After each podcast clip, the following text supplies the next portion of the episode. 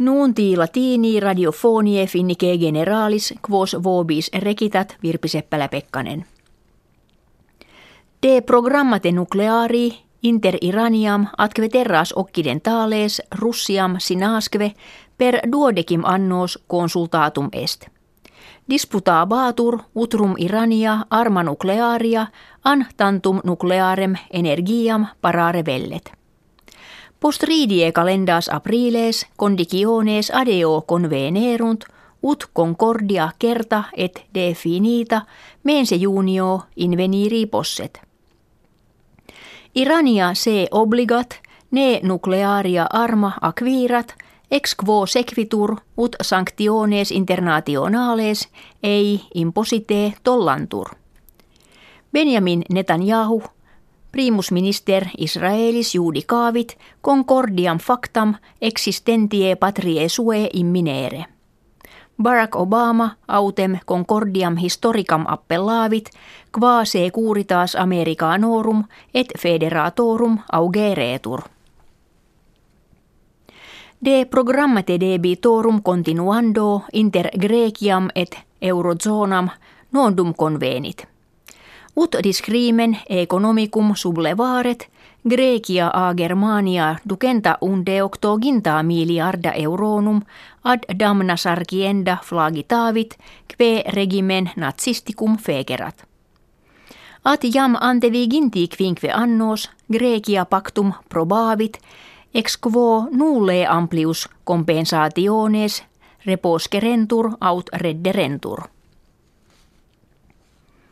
In oratione Pascali Papa Franciscus de pace presertim in Syria et Irakvia appellavit. Communitas internationalis ut speramus non debet ante hanc ingentem tragediam humanitariam iners manere. Ait Papa. Concordiam de programmate nucleari cum Irania factam laudavit et sperabat fore ut orbis terrarum tuutior fieret. Paapamentionem separatim fekit ictus terroristici nuper ingenia facti, quo aggressores motus al Shabab in campo universitatis garisse centum quadraginta septem homines imprimis Christianos interfecerunt. Passiones quibus Christiani etiam in aliis mundi partibus subjicerentur, memoravit et optavit, ut in angustis sublevarentur. Regimen Ukraine legem feret, qua ideologia, propaganda, symbolakve kommunistika vetabuntur. Jam antea lex perlata est, qua regentiores pellicule kinematografike et tele visifice, inquibus exergitus aut milites russie, ut heroes presentantur vetitesunt.